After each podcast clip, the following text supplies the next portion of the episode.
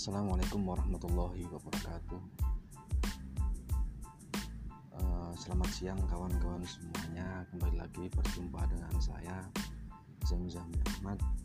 Jika kemarin kita sudah berbicara tentang uh, apa itu NLP dan berikut dengan sejarahnya dan juga pilar dari NLP itu sendiri, saatnya uh, pada kesempatan hari ini saya melanjutkan uh, pembahasan terkait dengan NLP di mana pembahasan kali ini yaitu terkait dengan presuposisi atau yang disebut dengan kerangka berpikir.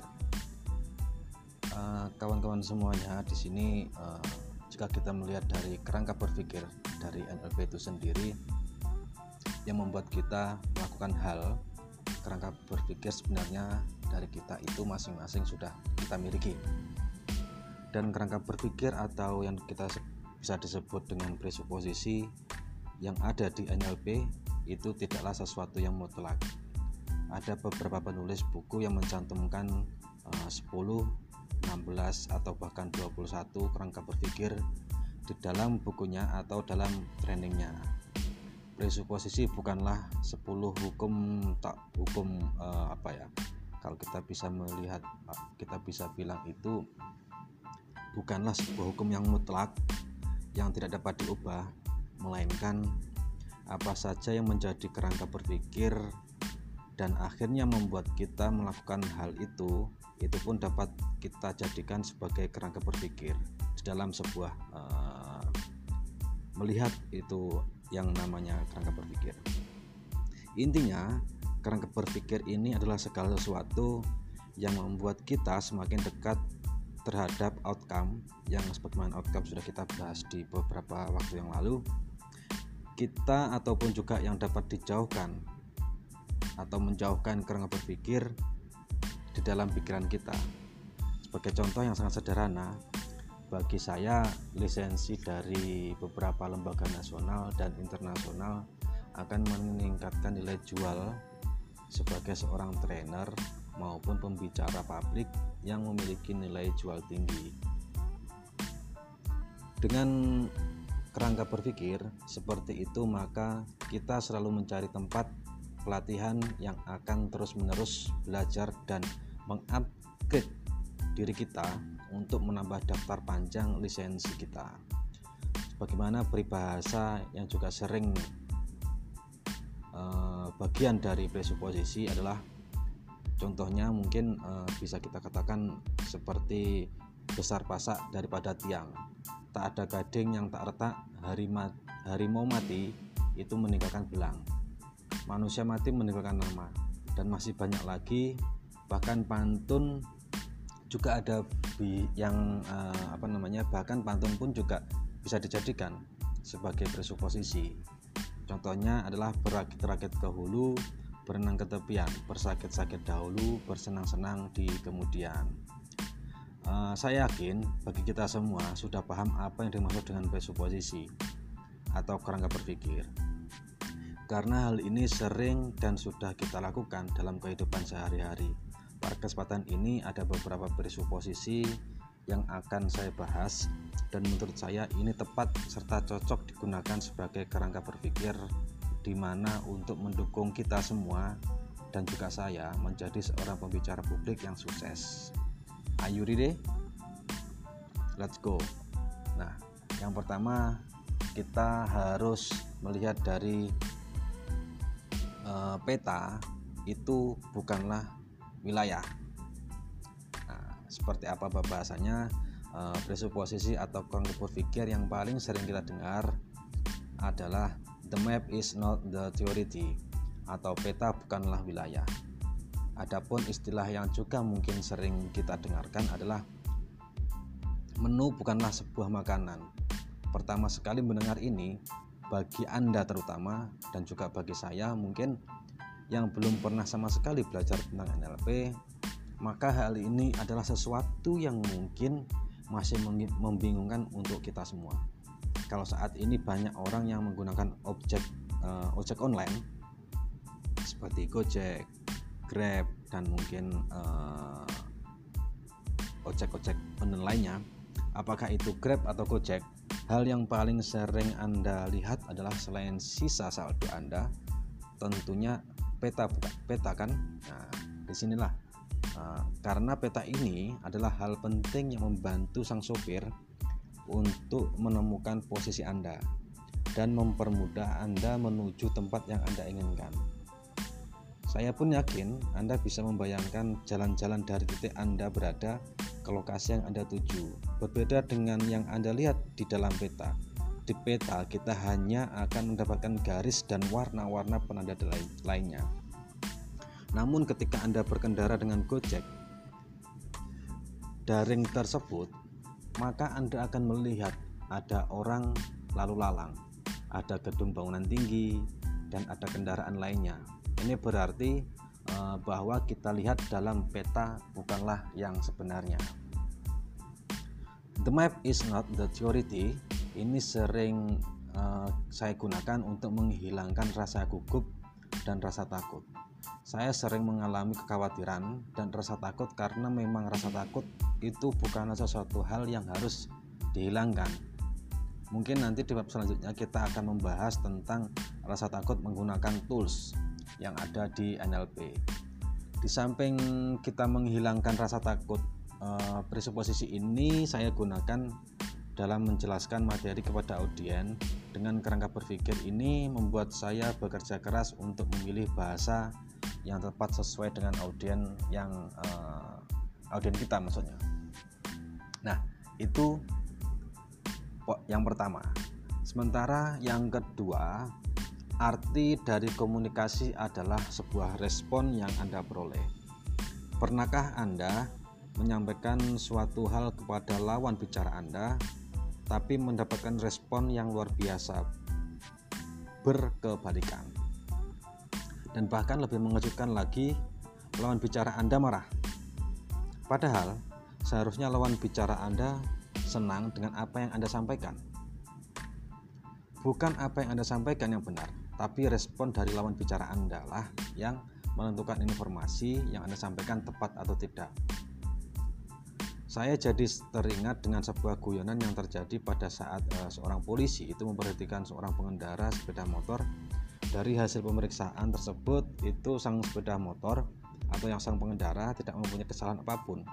Hingga akhirnya sang pengendara bertanya kepada polisi, apakah alasannya hingga akhirnya dia diberhentikan. Ternyata jawaban sang polisi kepada pengendara sepeda motor tersebut sangat mencengangkan. Saya tidak suka dengan cara Anda mengendarai sepeda motor ini. Ingat, ini hanya guyonan. Nah, ya kan? Ingat, ini adalah sebuah guyonan. Tapi tidak dipungkiri bahwa sering kali terjadi ketika kita melakukan dan menyampaikan hal dengan benar menurut kita, menurut kita, tetapi tidak benar menurut orang lain. Dalam public speaking, hal ini penting untuk anda karena bukan apa yang Anda sampaikan kepada audiens yang penting melainkan Anda harus mendapati bahwa audiens adalah mengerti dengan apa yang Anda sampaikan. Ketika Anda sudah dengan sekeras tenaga menyampaikan materi kepada audiens Anda, tetapi mereka merespon dengan cara yang berbeda.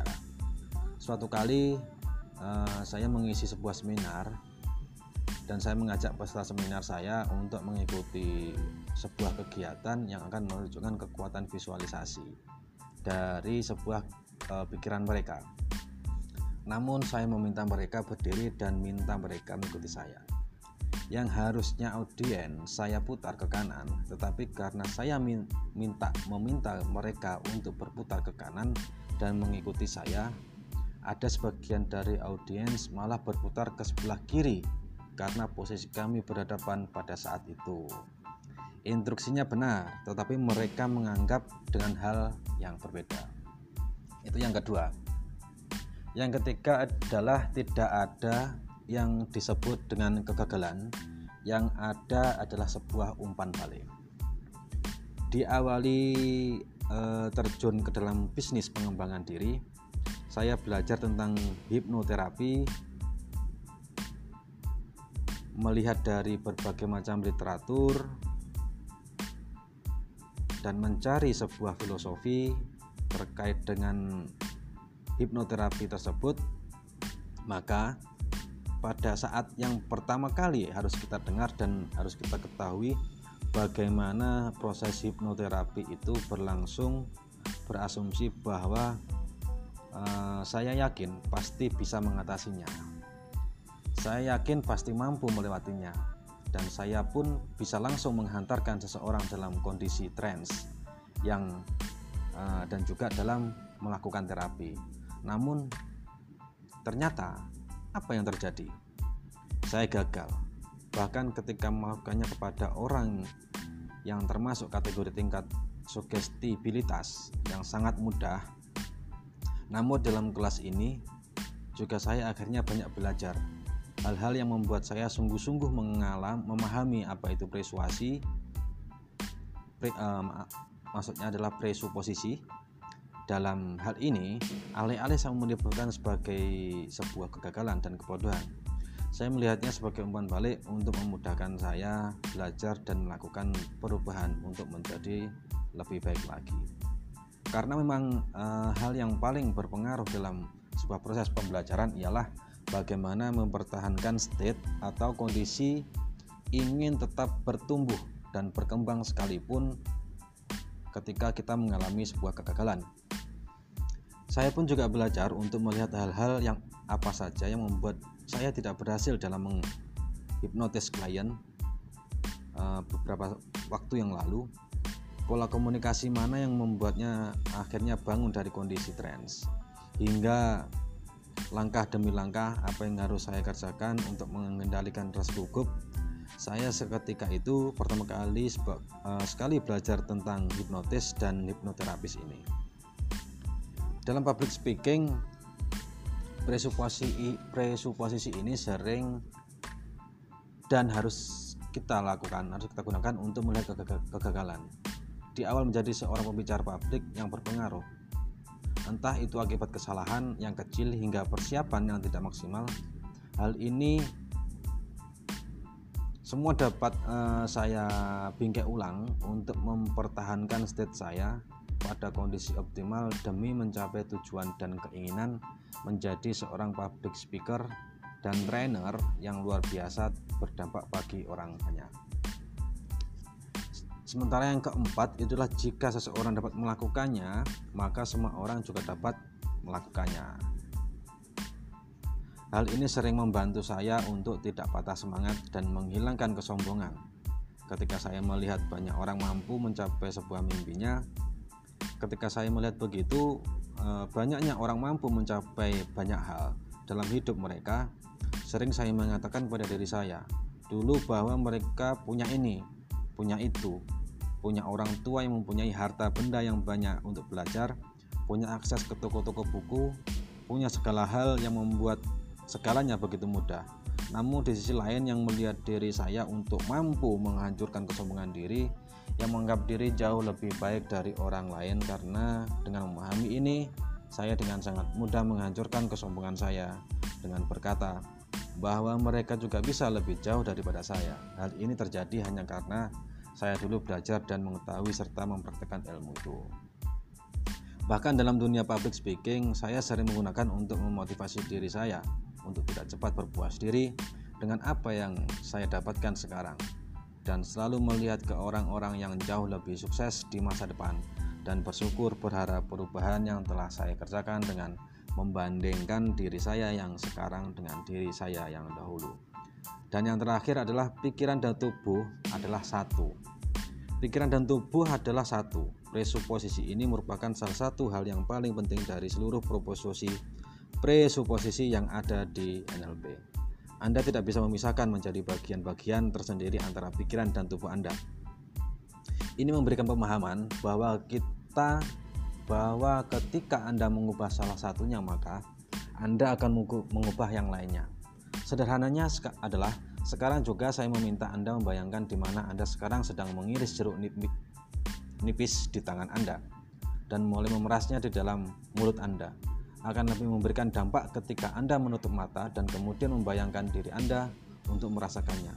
Dan mungkin Anda baru menyadari air liur untuk semakin banyak terkumpul di dalam mulut Anda. Hingga pada akhirnya Anda baru menyadari bahwa jeruk nipis itu hanyalah bayangan. Itu sebabnya pikiran Anda mempengaruhi respon tubuh Anda. Dalam dunia public speaking, kerangka berpikir ini akan membuat Anda memanajemen dengan tepat rasa takut Anda, kegugupan Anda, bahkan fisiologi tubuh Anda tepat sekali hanya dengan mengendalikan pikiran Anda ataupun sebaliknya tubuh Anda.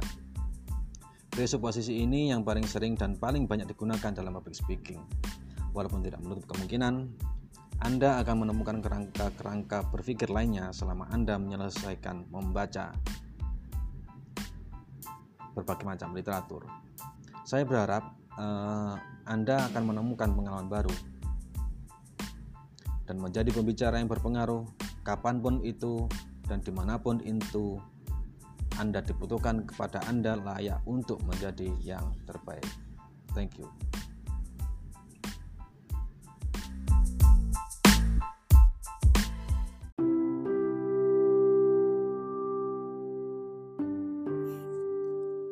Assalamualaikum warahmatullahi wabarakatuh.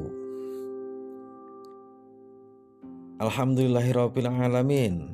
Para nahdiyin sekalian Pada kesempatan kali ini Saya ingin sedikit mengupas Tentang Kiai Haji Muhammad Asim As'ari Adalah gurunya para wali ini kisah yang bisa dipercaya bahwasanya ada seorang kiai yang bernama Bah Kiai Toyib.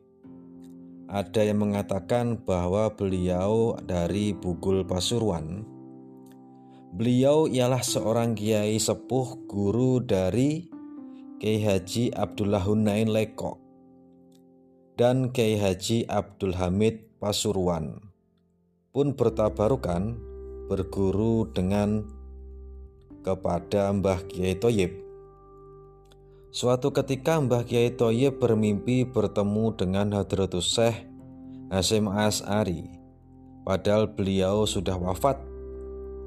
Dalam mimpi tersebut, Mbah Kiai Hasim, As'ari tiba-tiba jejak dalam bahasa Indonesia-nya adalah menendang dada Mbah Toyib dengan keras. Setelah kejadian mimpi tersebut dengan kuasa Allah Subhanahu wa taala, segala ilmu oleh Allah seakan-akan dituangkan kepada beliau dan beliau diberikan kemudahan memahami dan menghafal banyak kitab. Menurut almarhum Kiai Haji Ishak Latif, beliau dari almarhum Kiai Haji Sobari bahwasanya Mbah Kiai Hasim As'ari beliau telah mengaji satu kitab yaitu kitab Fathul Qorib sebanyak 41 kali. Artinya berapa banyak ulama yang telah didatangi Mbah Kiai, Has Kiai Hasim untuk belajar satu kitab saja. Mungkin 25 ulama 35 ulama atau mungkin 41 ulama hanya untuk belajar satu kitab yaitu Fathul Qorib. Sangat jarang sekali apabila di zaman ini orang mau menghatamkan suatu kitab sampai dengan berkali-kali, bahkan berpuluh-puluh kali dengan guru yang berbeda-beda pula. Padahal kita jika sudah hatam satu kitab pada Kiai A, B, dan C, sudah hatam satu kitab tiga kali pada tiga orang ulama, kita sudah merasa cukup. Dan selanjutnya hanya tinggal di mutolaah dan dihafalkan saja. Hal tersebut berlaku eh, hal tersebut tidak berlaku bagi Mbah Kiai Haji Hasim As'ari Beliau tidak hanya mengejar ilmu, tapi juga mengejar barokah dari banyaknya guru-guru beliau tersebut. Semakin banyak belajar kepada ulama, maka otomatis semakin banyak pula barokah yang insya Allah didapat. Diceritakan konon bahwasanya Kiai Haji Hasim As'ari saat mengajar santri-santrinya di pesantren Tebu Ireng sering menangis jika membaca kitab fikih Fathul Qorib yang dikarang oleh Syekh Nawawi. Kenangan terhadap gurunya itu amat mendalam di hati Hadratus Syekh Ki Haji Hasim As'ari hingga haru tak kuasa ditahannya setiap kali baris Fat al-Khorib ia ajarkan pada santri-santrinya. Mbah Kiai Hasim adalah pribadi yang tekun, semangat belajar, kuat dalam riyadhah atau tirakat, untuk lebih mendekatkan diri kepada Allah Subhanahu wa taala. Di tengah-tengah kesibukan menuntut ilmu, beliau menyempatkan diri berziarah ke tempat-tempat mustajab seperti Padang Arafah, Gua Hiro, makam Ibrahim juga termasuk ke makam Rasulullah Shallallahu Alaihi Wasallam. Setiap Sabtu pagi beliau berangkat menuju Gua Hiro di Jabal Nur kurang lebih sekitar 10 km di luar kota Mekah untuk mempelajari dan menghafalkan hadis-hadis Nabi. Setiap berangkat menuju Gua Hiro, Kiai Hasim selalu membawa Al-Quran dan kitab-kitab yang ingin dipelajarinya. Jika hari Jumat tiba, beliau bergegas turun menuju kota Mekah guna menunaikan sholat Jumat di sana. Diceritakan oleh Agus Muhammad Zaki, cucu Hadratus Syekh Muhammad Hasim As'ari, ketika selesai mengisi pengajian di Mojokerto, dapat eh, kita kisahkan tentang Kiai Hasim As'ari. Setelah menghatamkan kitab Bukhari Muslim dan menerima sanatnya, beliau dengan berbekal segenggam beras menyepi di Gua Hiro dan membaca kedua kitab itu selama 41 hari. Ternyata belum sampai 41 hari beras itu sudah habis. Akhirnya beliau mencuil sedikit lembaran-lembaran kitab Bukhari Muslim yang dibacanya sebagai ganti beras yang telah habis. Mbah Kiai Hasim As'ari ketika mondok beliau makan nasi aking atau bisa disebut sebagai karak. Lalu beliau bungkus pakai kain lalu digantung di kamarnya. Setiap kali beliau mau masak, beliau ambil lidi, beliau tusuk bungkusan nasi aking tersebut. Nasi aking yang keluar karena ditusuk itulah yang dimasak buat makan untuk hari itu.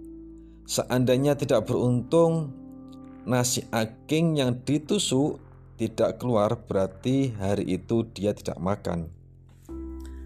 Nabi Khidir alaihissalam dikisahkan pula bahwa suatu ketika ada seorang di jalan yang sangat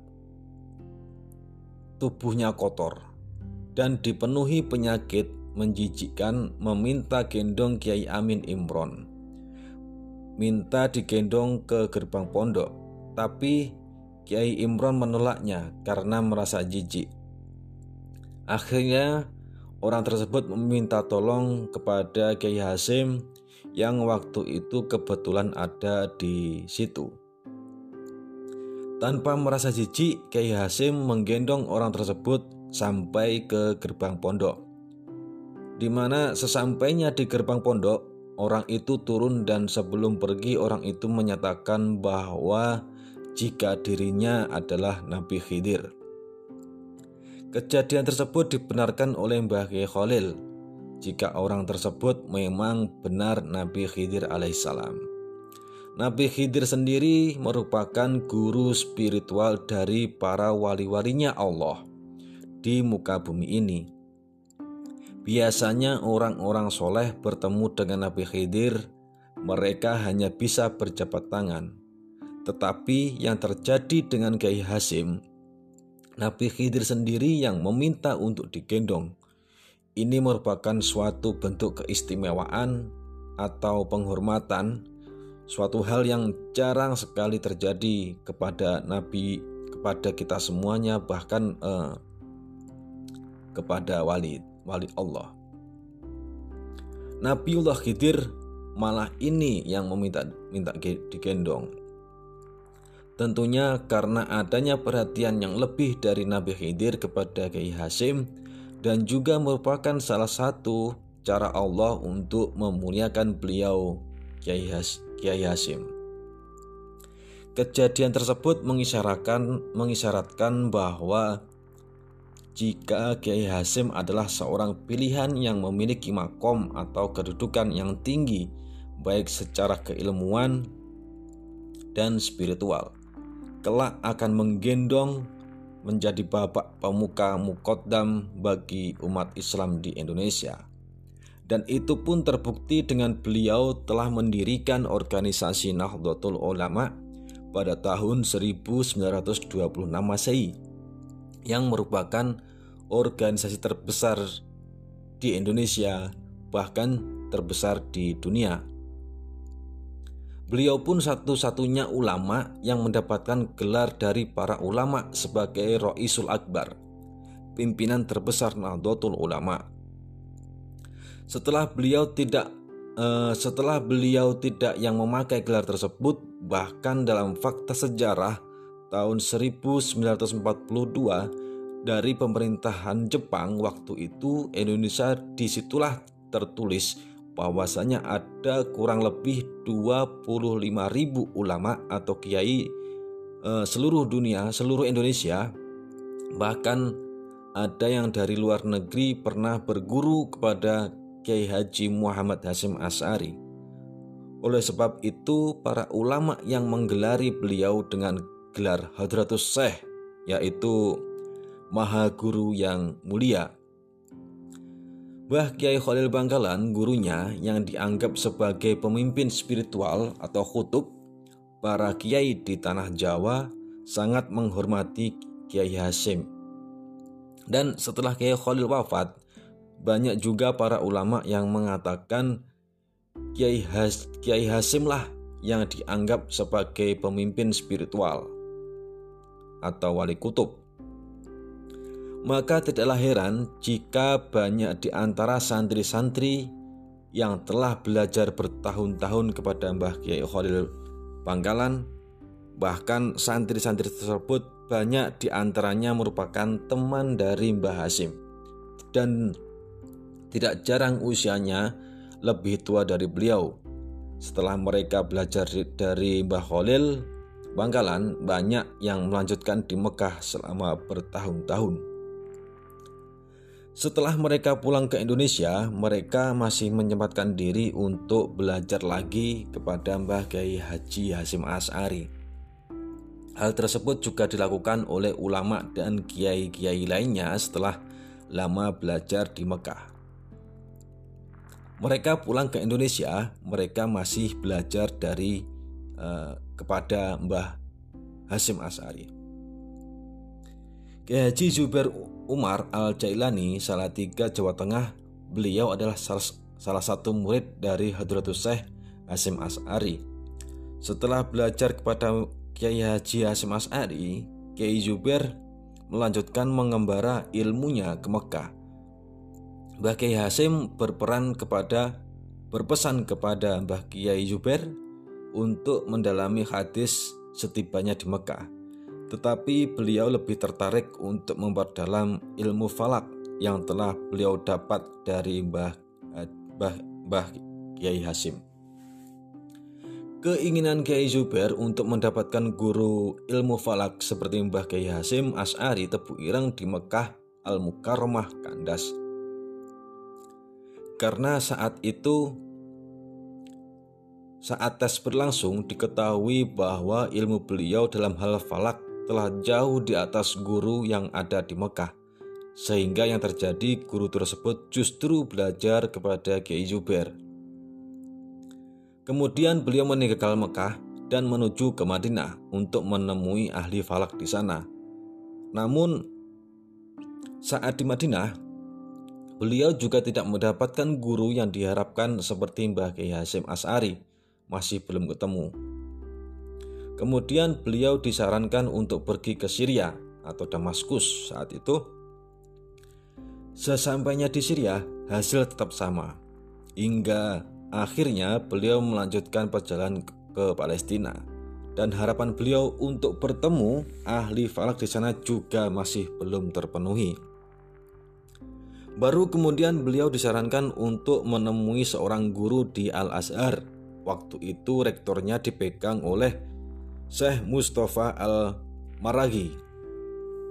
Di sinilah beliau bertemu dengan ulama yang beliau harapkan yaitu Syekh Umar Hamdan Al-Mahrasi pada tahun 1949 dengan kitab kajian Al-Matla Al-Said karya Husain Zaid Al-Misri dan juga Al-Minhajid Al-Manahij Al-Hamidiyah karya Abdul Hamid Murs.